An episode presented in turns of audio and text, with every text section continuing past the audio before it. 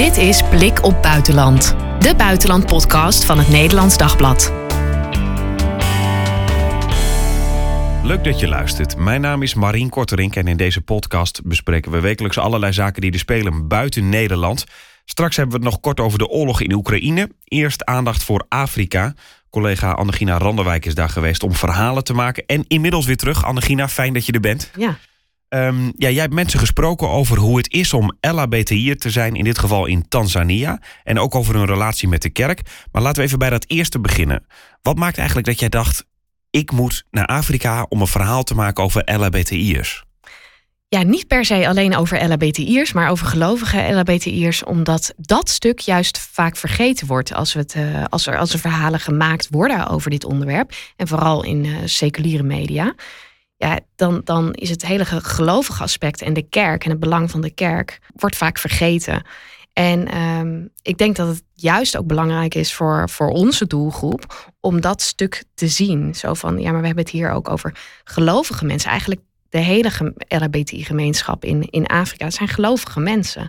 Elke Afrikaan uh, ademt eigenlijk uh, religie.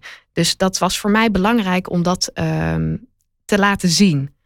Maar hoe, hoe is dat dan? Dat het religie ademt? Nou ja, op elke straathoek uh, staat een kerk of een, uh, of een moskee. God uh, bestaat. Dat is niet een vraag, dat is een feit. En dat geldt eigenlijk voor bijna elke Afrikaan die leeft onder de Sahara. Het is ook natuurlijk anders dat in Afrika mensen echt leven in de gemeenschap. En echt die kerk het centrale middelpunt is van het gemeenschapsleven. Minder individueel ja, niet individueel. Dat is ook het mooie. Hè? Als ik reis in Afrika, vind ik dat zelf heel prettig. Omdat als ik een probleem heb met een betaling hier of daar, dan is het niet mijn probleem. In Nederland zou een hotel zeggen: Nou, uh, jouw probleem, zoek het uit. Waarom ben je hier uh, als, als je kaart, ja, ja, ja. betaalkaart niet werkt? Um, uh, maar in Afrika is het dan zo, oh, een probleem. Oké, okay, de directeur van het hotel, uh, dat is nu ook zijn probleem. En de medewerkers en mijn taxichauffeur. En weet je, dat is, het, dat is de manier van denken. De gemeenschap is zo ontzettend belangrijk en heeft daarin ook heel veel invloed. En kan dus ook heel veel steun bieden. En we gaan met z'n allen dan zo'n probleem oplossen. En het is ja. niet meer jouw probleem. Nee, oh heerlijk. En dat klinkt dan heel mooi, maar voor LHBTI'ers is het denk ik heel anders dat gevoel van we, we, gaan samen dit probleem ja, daar, oplossen. Daarom is het dus denk ik ook zo heftig dat ze buiten de gemeenschap vallen. Want ze vallen dus niet meer uh, binnen de kerk. Want zij kunnen niet als openlijke LHBTI'er in de kerk functioneren. Want dat is niet geaccepteerd. Dus het verliezen van die gemeenschap is enorm. Je verliest eigenlijk alles. Ja, want je hoort niet meer bij de kerk. Je kan ontslagen worden. Ja. Uh, je hoort überhaupt niet meer bij je dorp uh, nee. of bij je gemeenschap, bij je zeg maar. Nee, je staat echt op jezelf. En een van de mensen die ik had gesproken, die zei ook: Weet je, het leven in Afrika is al zwaar.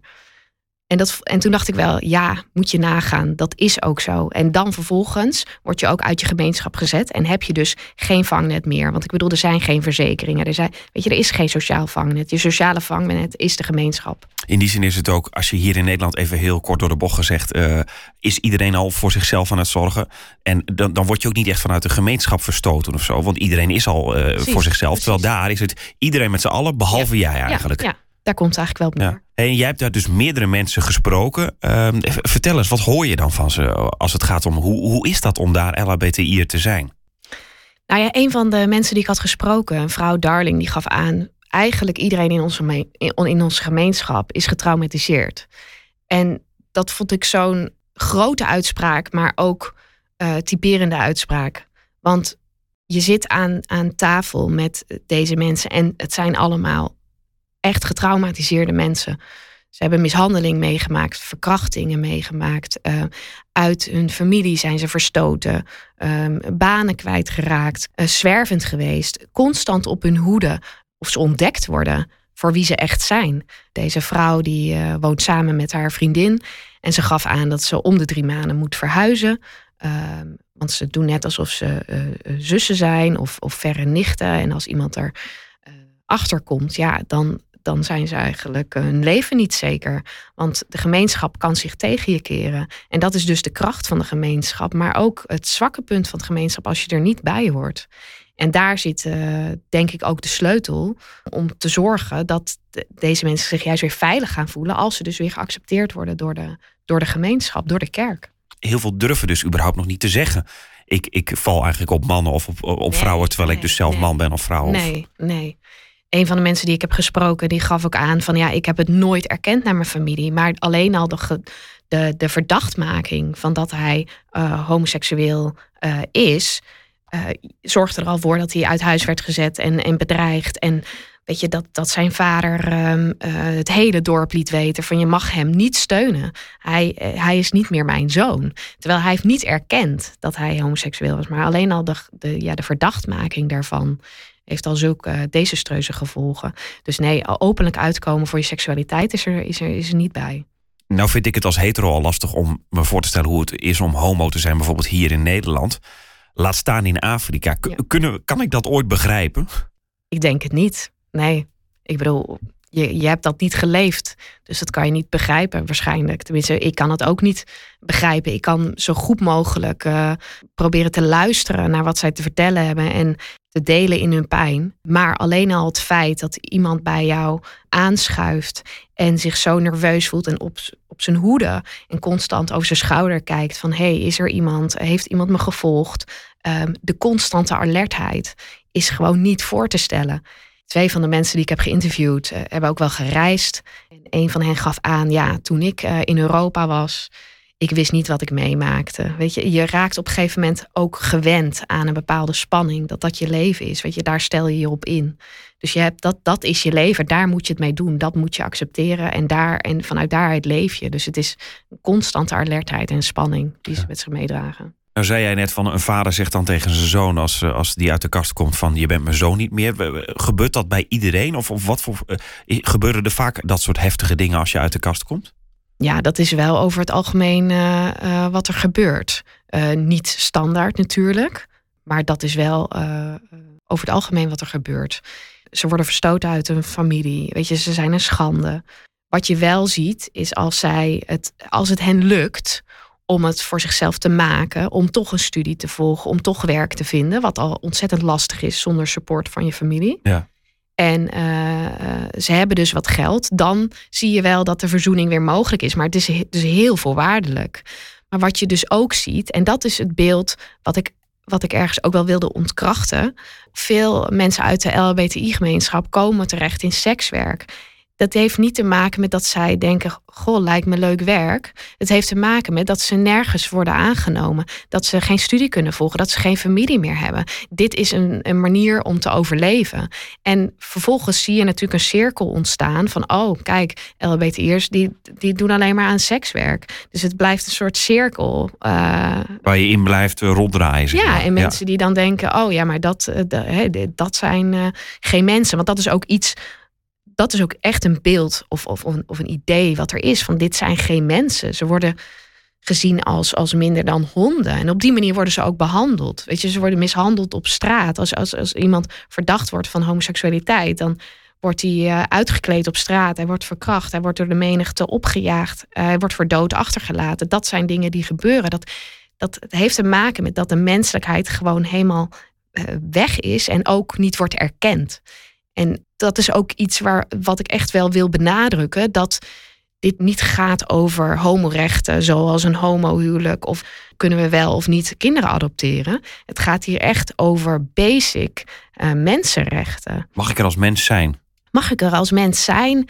Mag ik. Uh, uh, ja, want als je er als mens mag zijn, wordt de discussie ook anders. En dan kan er een gesprek gevoerd worden van hé, hey, hoe kunnen wij weer geaccepteerd worden in de gemeenschap? Um, ik denk dat het dan niet eens een vraag is van of je in de kerk wel of niet uh, mag komen. Weet je, het heeft zo te maken met beeldvorming. En wat jij zei ook van, ik vind het interessant om vooral de gelovige LHBTI er ook te spreken. Of dat dan een moslim of een christen is. Maar die worden ook verstoten uit hun gemeenschappen. Um, vind je, of is er dan ook echt een taak voor de kerk wat dat betreft? Ja, nou om nog even jouw vraag, uh, echt op de inhoud van je vraag in te gaan. Ik wilde niet per se gelovige LHBTI'ers interviewen, maar vooral LHBTI'ers die eigenlijk altijd allemaal gelovig zijn. En om dat meer te laten, dat dat echt geïntegreerd is met elkaar. Dus ja, ik denk zeker dat de kerk een sleutel is. Ik heb het de mensen die ik heb gesproken ook gevraagd. En die geloofden daar trouwens niet zo in. Omdat uh, ze dachten, ja, hoe dan? Die zien het gewoon niet. Die, die hebben hoe meegemaakt hoe het is. Ja, hoe, hoe kan die verandering ooit komen? Dat kunnen ze zich niet voorstellen. Maar de kerk heeft zoveel invloed. Als de kerk een plek zou zijn waar iedereen geaccepteerd wordt, kan dat een enorme uitwerking hebben op, uh, de status en, uh, en de manier van leven of de, ja, de waarde die, die het leven heeft. Omdat zij het centrum zijn van zo'n gemeenschap eigenlijk ook soms. Ze zijn het centrum van de gemeenschap, maar de, de kerk heeft ook invloed op de politiek. En als je dan kijkt naar Tanzania, dan heb je te maken met wetgeving waar het gewoon bij wet verboden is om uh, homoseksueel nou niet te, te zijn, maar uh, om het te praktiseren. Uh, je kan op Zanzibar, uh, het is een autonome staat in, in, in Tanzania, kan je levenslang de gevangenis in, in gaan.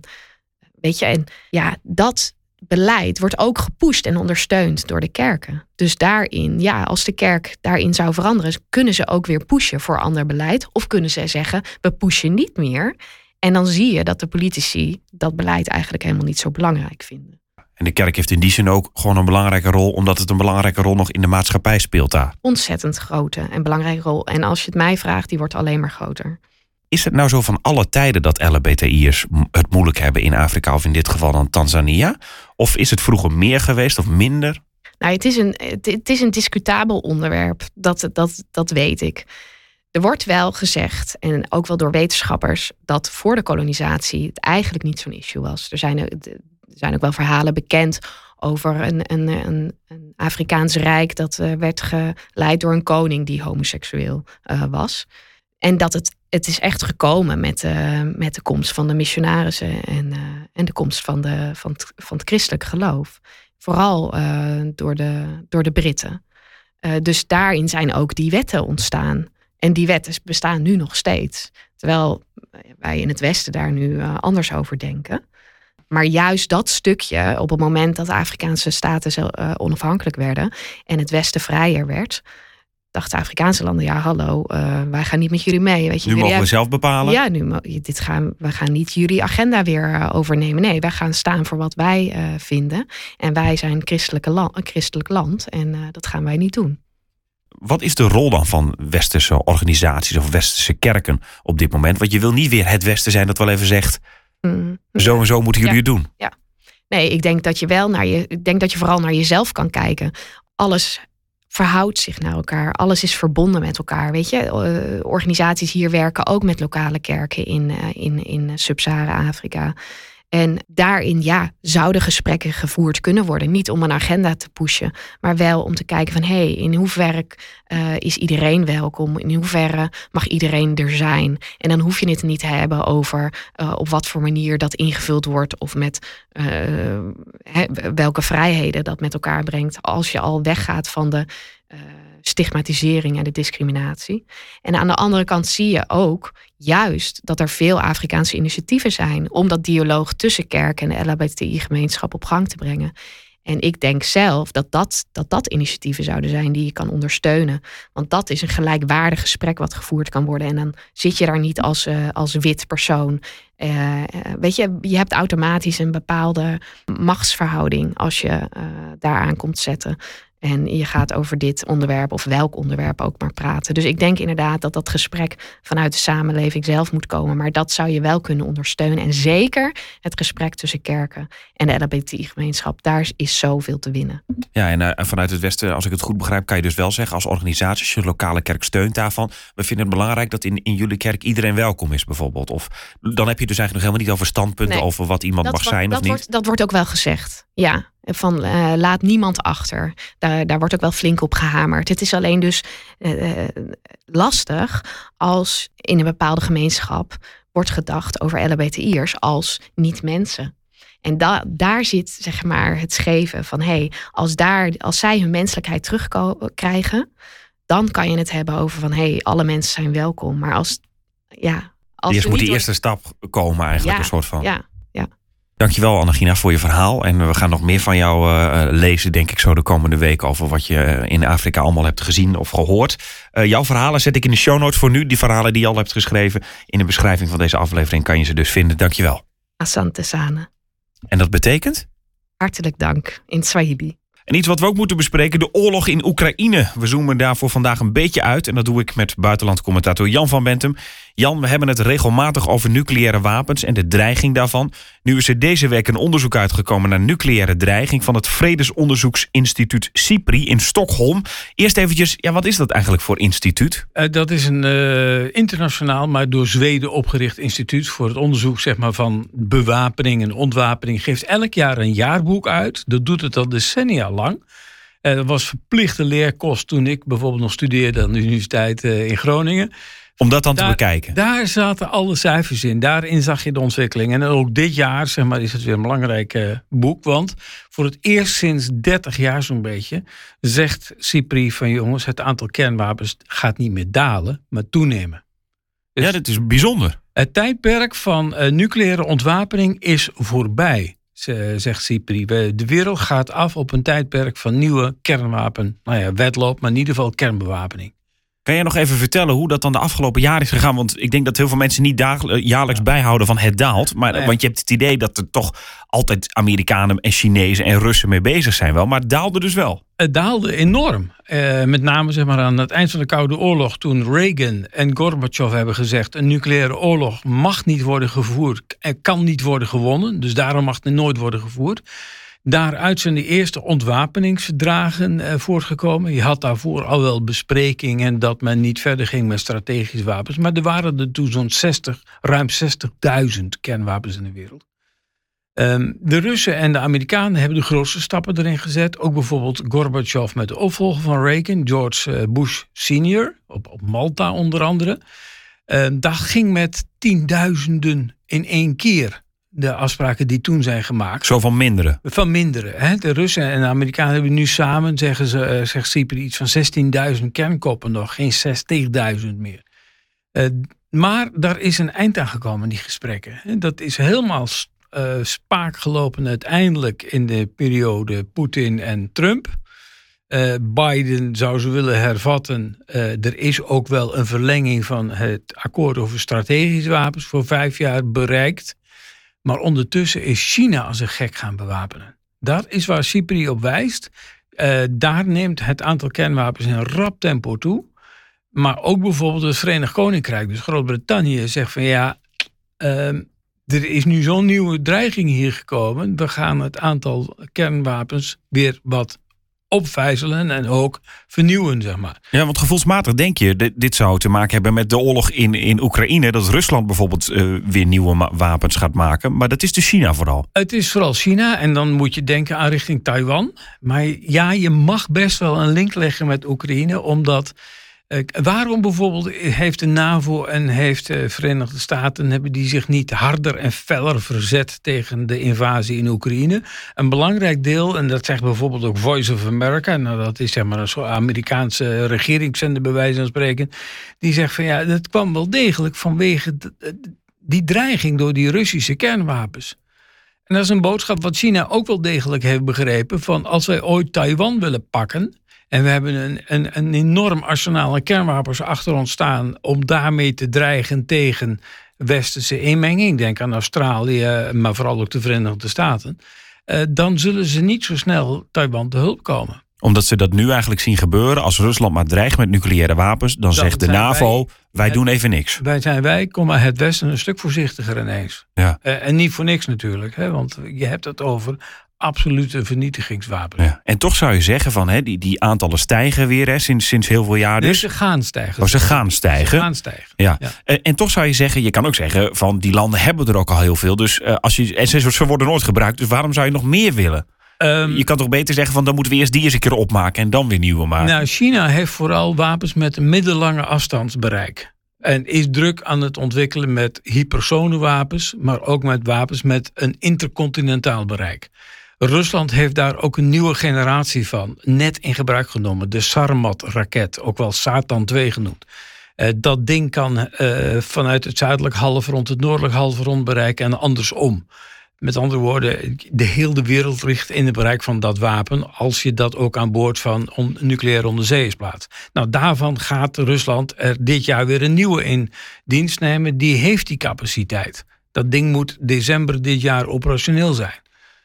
Ja. Uh, dus ja, je ziet een, een nieuwe generatie kernwapens. Uh, verfijnder, nauwkeuriger.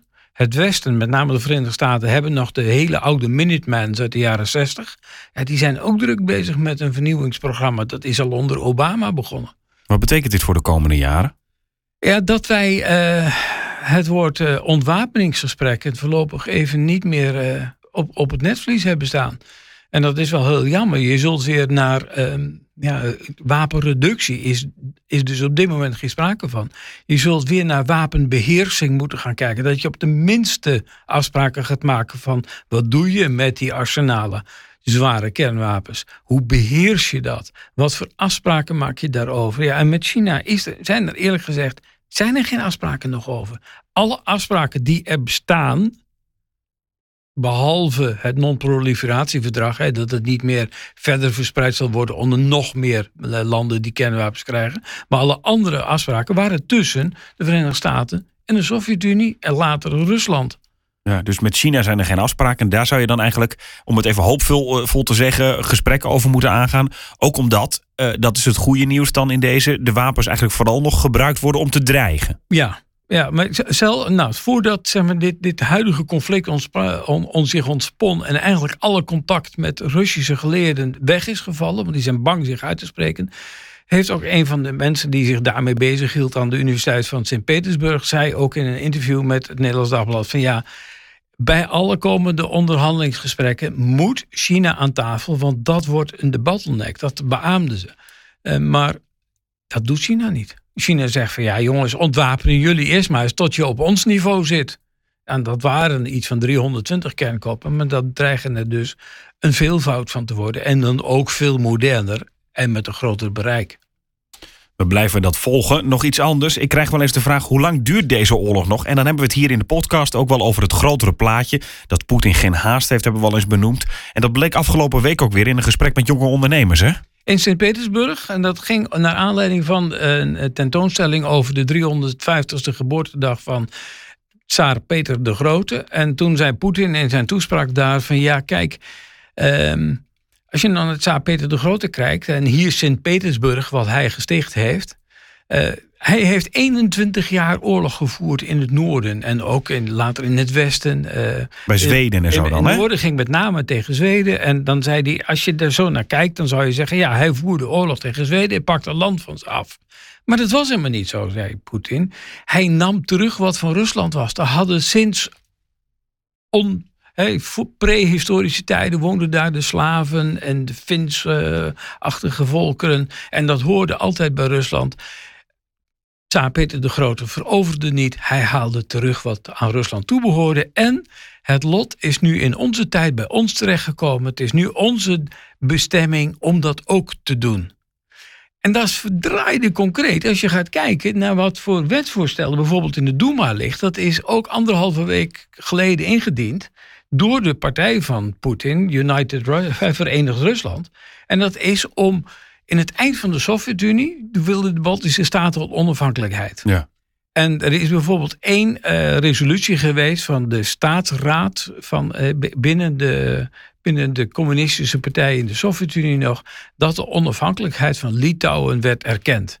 Maar zegt nu het huidige wetsvoorstel in de Duma, en ik moet nog kijken hoe wanneer dat in behandeling wordt genomen, maar als het wordt ingediend door de partij van Poetin, wordt het gewoon aangenomen. Punt.